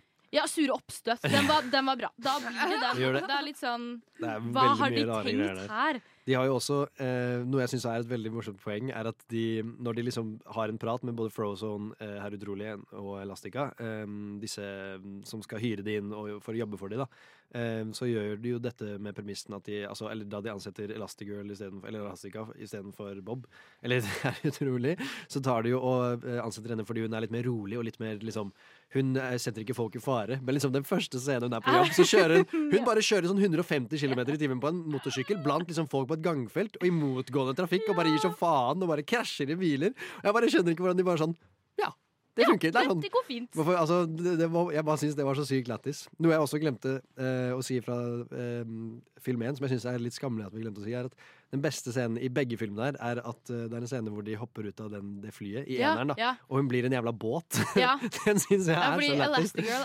er eh, kjempefleksibel. Ja. Og sånn, sånn sett, det er jo det obligatoriske spørsmålet jeg også må stille dere. Mm. Hvis dere kunne valgt superkreftene fra Oh. noen av karakterene i filmen, hva ville dere valgt? Dash. Dash? Ja. Jeg tror jeg ville løpe raskt. Ja. Ja. Man kan jo, han Jeg hadde, jo hadde litt lyst på Jack Jack, men det tror jeg hadde vært slitsomt. Å ja, ja. krefter, så hadde Ja, ja, ja. Jeg tror jeg ville blanda Frozone og. Violet sine. Kan er- jeg ikke blande? Det er ikke lov. OK. I don't make the rules, guy. Um, da vil jeg være Elastigirl. Ja. Kanskje she's sexy. Jeg vil være Dash fordi han løper jævlig raskt. Jeg er Du er jo en dash, da, du. Ja. Du er, du, Herregud. Visste dere at Dash er egentlig bare inspirert av Karl Aksel? Å ja. Ja, Det visste jeg ikke. Nei, Brad Bird så deg, og så var han sånn Ja, mhm. da jeg var Kiwi-baby. to år Kiwi gammel. Ja. Veldig bra. Hvilke, ja, ville du, hvilke krefter Jeg, du hatt? jeg, jeg, jeg, jeg veit ikke. Ingen av de, egentlig. Vil du ikke ha superkrefter? Ville du ikke hatt superkrefter, Liv? Liv vil bare alltid være liv. Jeg har jo bare vært liv Jeg her. har jo fra før. Liv er er super på sin egen Nei, jeg vet ikke. Jeg Du er det, Liv. Du ville prata med dyr. Du ville prata med In a world that's powered by violence. In a world without gas. In a world where owning a radio was strictly forbidden.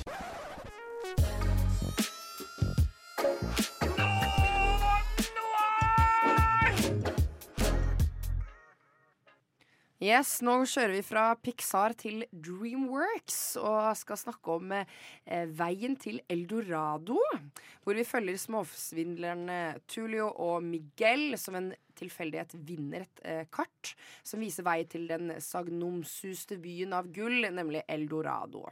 Og Etter mange tilfeldigheter så havner de i den etterlengtede byen, hvor innbyggerne tror at de er guder, og behandler dem deretter.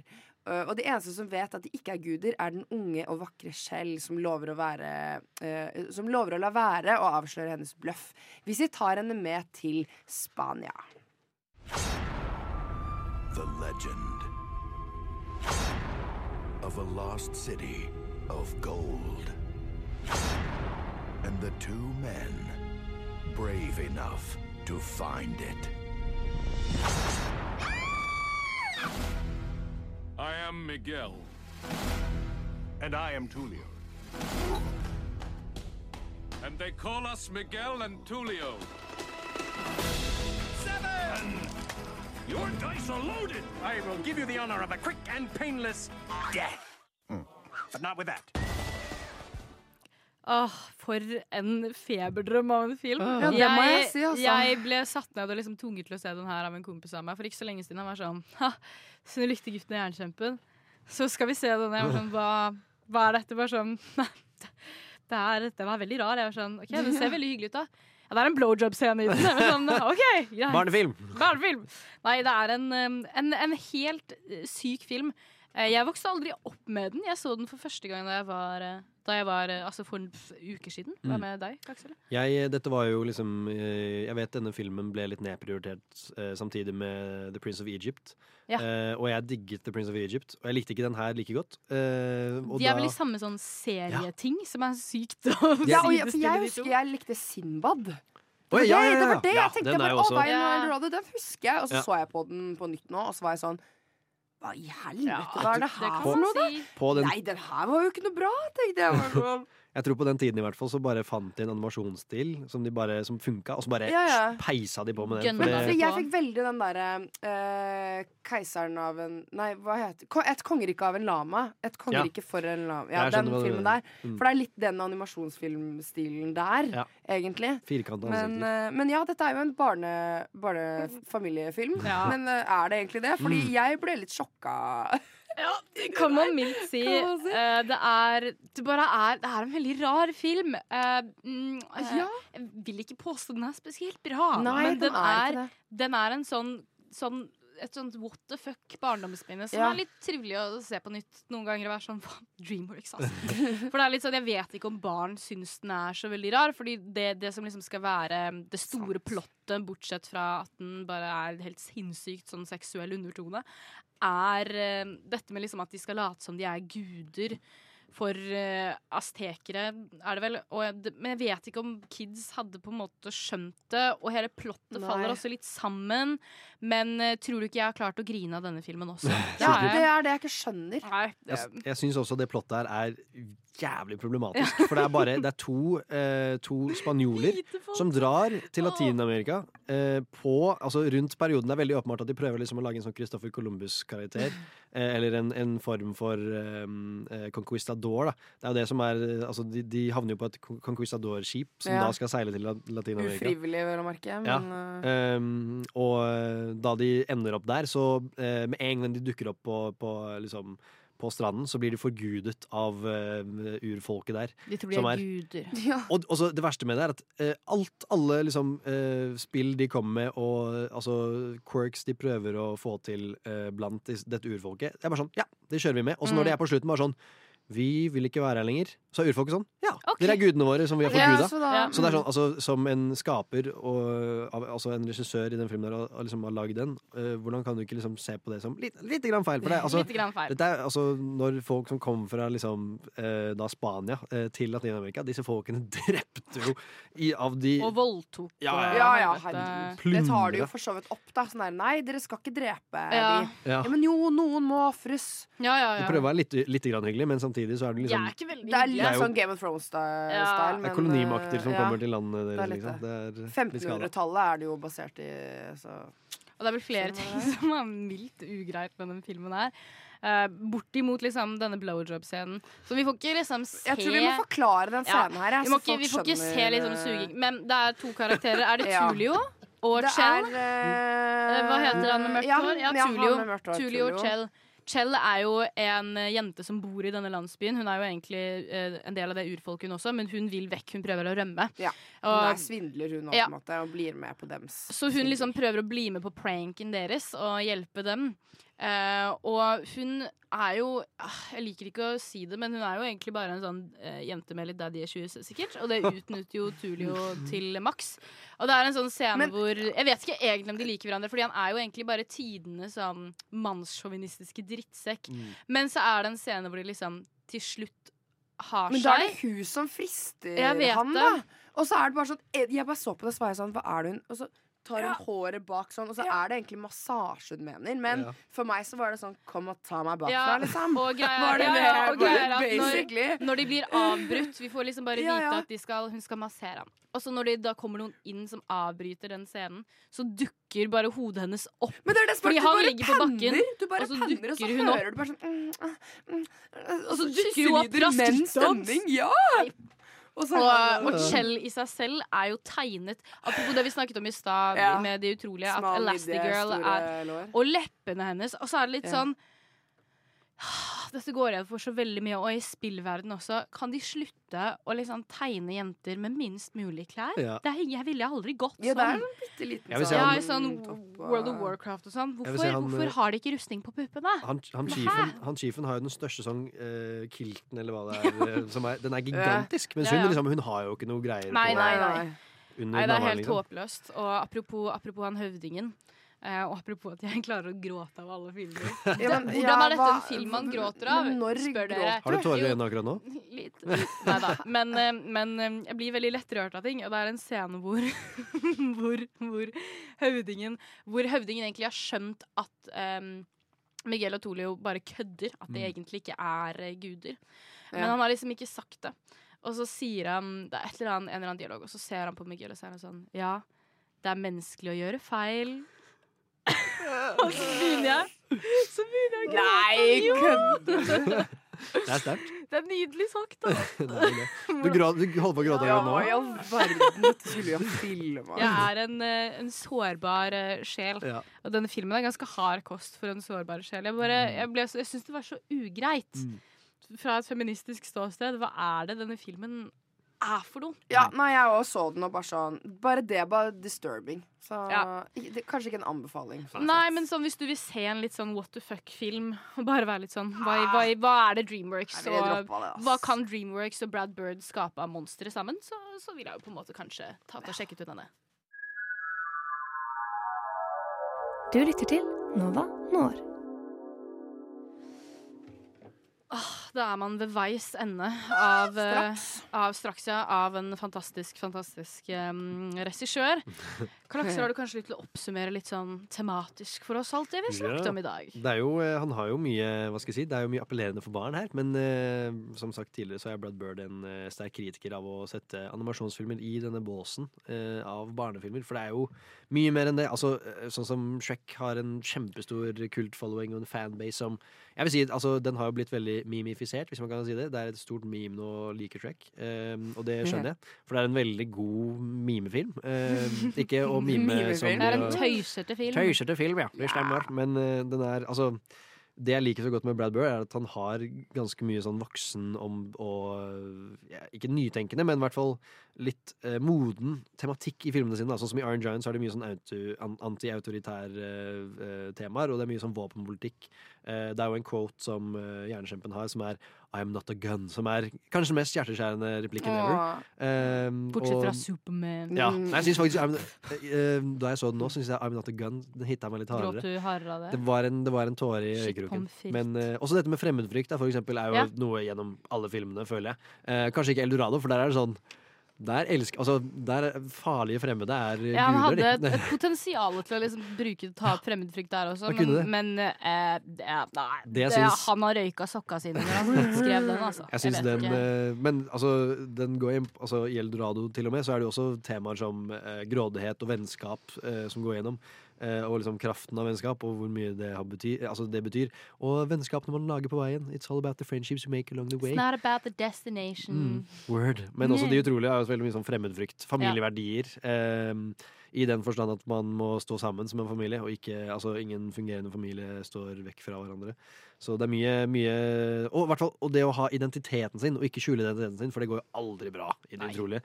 Og ikke i the real world heller, kanskje. Det er eh, opp til deg selv, holdt jeg på å si. Men uh, uansett, mye, mye voksen tematikk i disse filmene. Jeg tror det er ganske i veldig mange barnefilmer. Ja. Eh, jeg, nå sa jeg barnefilmer. Det er en synd, fordi animasjonsfilmer er ikke det. Men Nei. i mange animasjonsfilmer er det litt voksen tematikk. Så det er veldig kult. Ja, er, men Pixar og Dreamworks er jo studioer som i hovedsak skal lage ting for barn. på en måte Det blir Ja. jo markedsført mot barn. Det blir jo det. Men, eh, men jeg verdsetter alltid forfattere som Brad Bird, som eh, forstår at sånn Ah, det er voksne som blir nødt til å ta med kiden Mm. på kino til denne filmen. Og så De må like den, de òg. Ja, de må like den, de også. Og ikke bare liksom synes den er lol å se på, men, Mm. men kanskje faktisk få noe ut av den. Mm. Og derfor elsker jeg regissører som Brad Bird, fordi han klarer å gifte de to tingene. Ja. Veldig godt. Han er en superallsidig regissør. Litt flaut at vi ikke visste det allerede, men vi lærte jo nå i stad, når vi leste på Wikipedia, den troverdige kilden, Mm. at han har regissert og skrevet, eller bare regissert, produsert, Regissert, tror ja, 180 var det det? Episoder av Simpsons? Sesong, sesong 1 til 8. Og eh, jeg hadde sesong 1 på DVD da jeg også var sånn 11. Det var liksom nesten alt jeg så, annet enn Småspioner og De utrolige. Men eh, altså, nei, eh, The Simpsons sesong 1. Legendarisk sesong. Herregud. og Jeg visste ikke at det var Brad Bird. My man. My and han er. Brad Bird. Han er the guy. Ja, og hvis du ikke vet hvordan Brad Bird ser ut, eh, og du hører på nå, på podkast eller live, gå på Google eller eh, Safari hvis du er en sånn en, og så eh, google, google Brad Bird, og så klikk på pictures. Han og ser så se hyggelig ut. hvor søt han er. Jeg har lyst til å klemme Ja, mannen. jeg tror han gir gode klemmer. Ja. Tror han, gir- han ser ut som en mann som gir veldig, veldig gode klemmer. Han har sånne snille briller. Ja, og jeg liker folk med gode klemmer og snille briller.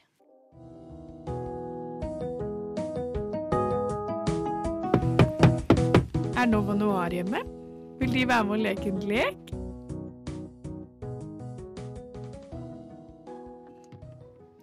Take it away. Take Vi skal leke en lek, ja! og da skal pynte være litt der. Sier hun mens hun tar på seg lipglassen. Yes. Nei, vet du hva? Vi må selvfølgelig avslutte med en eh, lek eh, på denne sendinga her. Jeg er jo tross alt med, og jeg er jo lekedronning, holdt jeg på å si. Det er kanskje ikke lov å si i det hele tatt. Men uh, vi spilte en terninglek, jeg og Aurora, når vi var med på frokostsending, som jeg tenkte vi skulle gjøre i dag. Tingen er at jeg har funnet eh, noen filmer på deres letterboxed som eh, dere skal eh, da trekke Jeg har ikke en terning, dessverre. Jeg har eh, Faen, nå mista jeg det.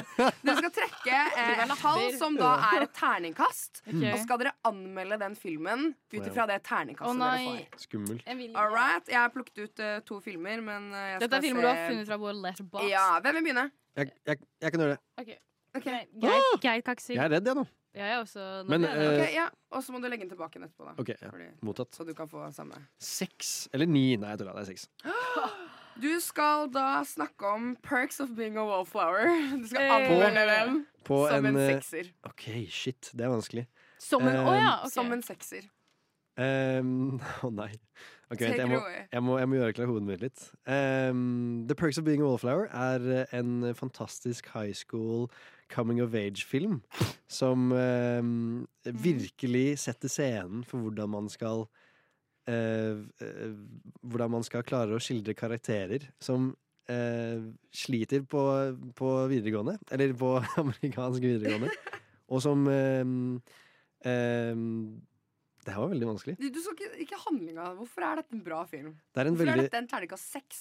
Terningkast seks, altså. Ja. Det er en veldig god film. Ehm, Bra. Bra godt. Det er en veldig god film. Gå og Ja. se den. ehm, hvorfor den er en terningkast seks? Oi, nå choker jeg opp her. Ehm, nei, jeg vet ikke. Den uh, Ok, Du kan få en ny en. Ja, jeg gjør det. Du skal få en annen film. Takk. Ikke ta sekseren igjen. Nei, nå fikk jeg en tre nå. Ja, The. Lighthouse. The Lighthouse er på det tre. en terningkast seks? Det er en eh, veldig middelmådig film uh, med Robert Pattinson og William Defoe. Pattinson. Eh, jeg syns eh, Robert Pattinson ikke helt klarer å gå ut av skallet sitt i den filmen. her. William Defoe også, han bare han er litt innestengt. Og eh, dette kammerspillet de har, eh, det slår ikke helt an. Nei. Eh, de har Og så ikke så er det veldig ikke farger på den. Nei, den, hvorfor, hvorfor, Nei. er det ikke det? Det, det burde vært Man kunne jo sett de gule skipperhattene de hadde hatt. Det hadde vært veldig smal. kult. Men Veldig sånn smal Smalt format. ja, ja. Det er, den er helt uh, Så helt middelmådig. jeg, jeg, jeg, jeg har litt brede øyne, så jeg hadde likt å se mer av kinoskjermen. Men jeg ser bare liksom den kvadratiske. Okay. Veldig kjipt. Astrid? Uff a meg. Og jeg vil ikke Dette var veldig on the spot. Det er skummelt, det her. Ja, det er det. Fem. Kjempeskummelt. Meth. OK. The Menu. Hvorfor er. The Menu Oi! ternekast fem? The Menu eh, er en fantastisk eh, morsom eh, satire av eh, kultureliten, særlig den gastronomiske. Oh, Mm. Jeg kan ord. Kultureliten. Um, også helt nydelig karakterskildring av ulike mennesketyper. eh, og hvordan disse samhandler, og hvordan mennesker kan være rovdyr mot hverandre. Særlig hvis de har glemt eh, sine ekte kjærlighet for sine hobbyer. All right. Oh my God. Jeg må ha den tilbake, da. Skal få en til. Kort og godt var smart. Sånn som meg. Ja. okay. Der er den. Ja. One more. Nå ble det meth igjen. Ble det fem igjen? Nei. Meth, var det du sa? Hvorfor sier du meth? Fordi det er baklengs sex.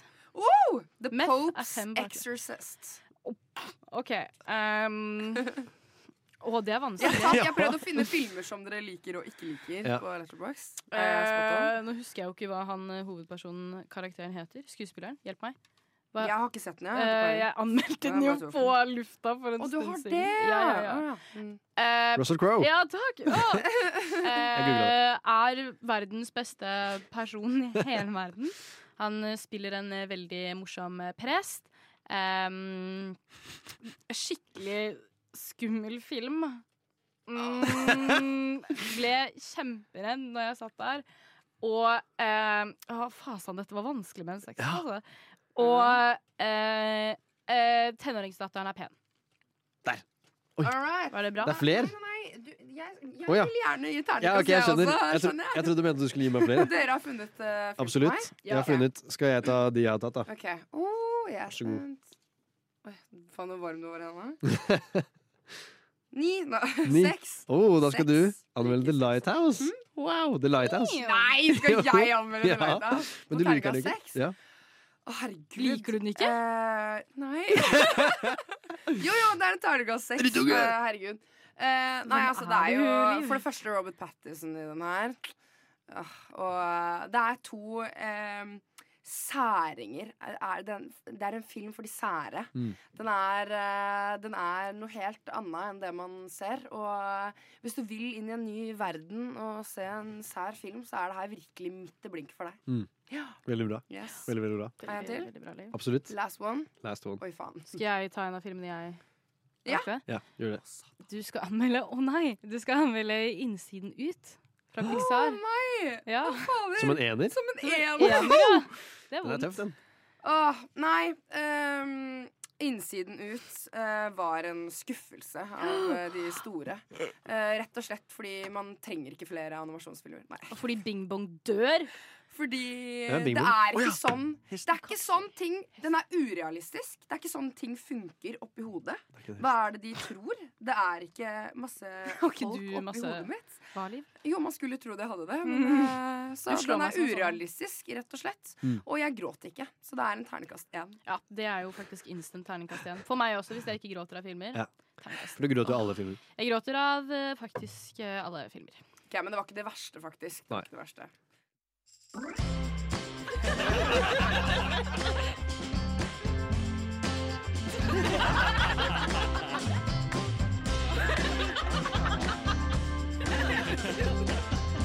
på Nova Noir hver torsdag 10-12. Hver torsdag 10 til 12.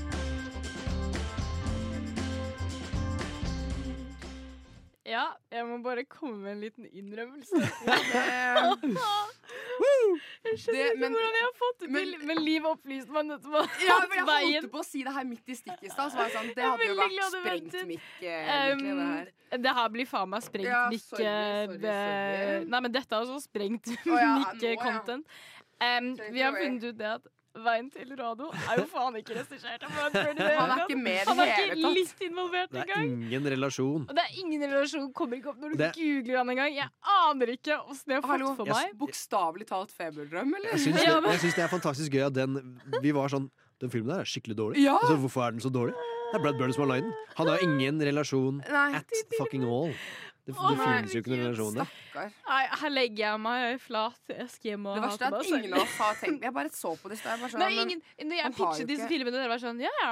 Jeg stoler på deg, Astrid. Det ja er dere, da har vi lært. Hva har vi lært i dag, dere? aldri stol på Astrid. Korrekt. Så det, men da har dere fortsatt fått en anmeldelse om, om, um, om um, feberdrømmen, som jeg tydeligvis også hadde selv.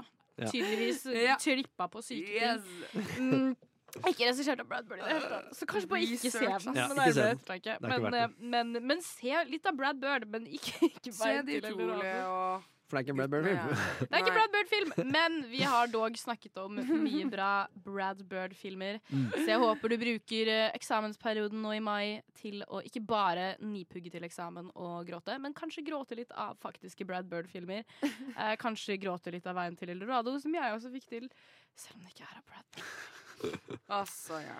Ja, det er vel egentlig intet annet å gjøre Det skjer enn vel i det, er, det, Det var en sånn dag i dag. Det var det. det var jo det. Ja. And on that Skjer. note så er det vel intet annet å gjøre for oss enn å takke for oss. Rett og slett. Ha det bra! Ha det! Radio Nova.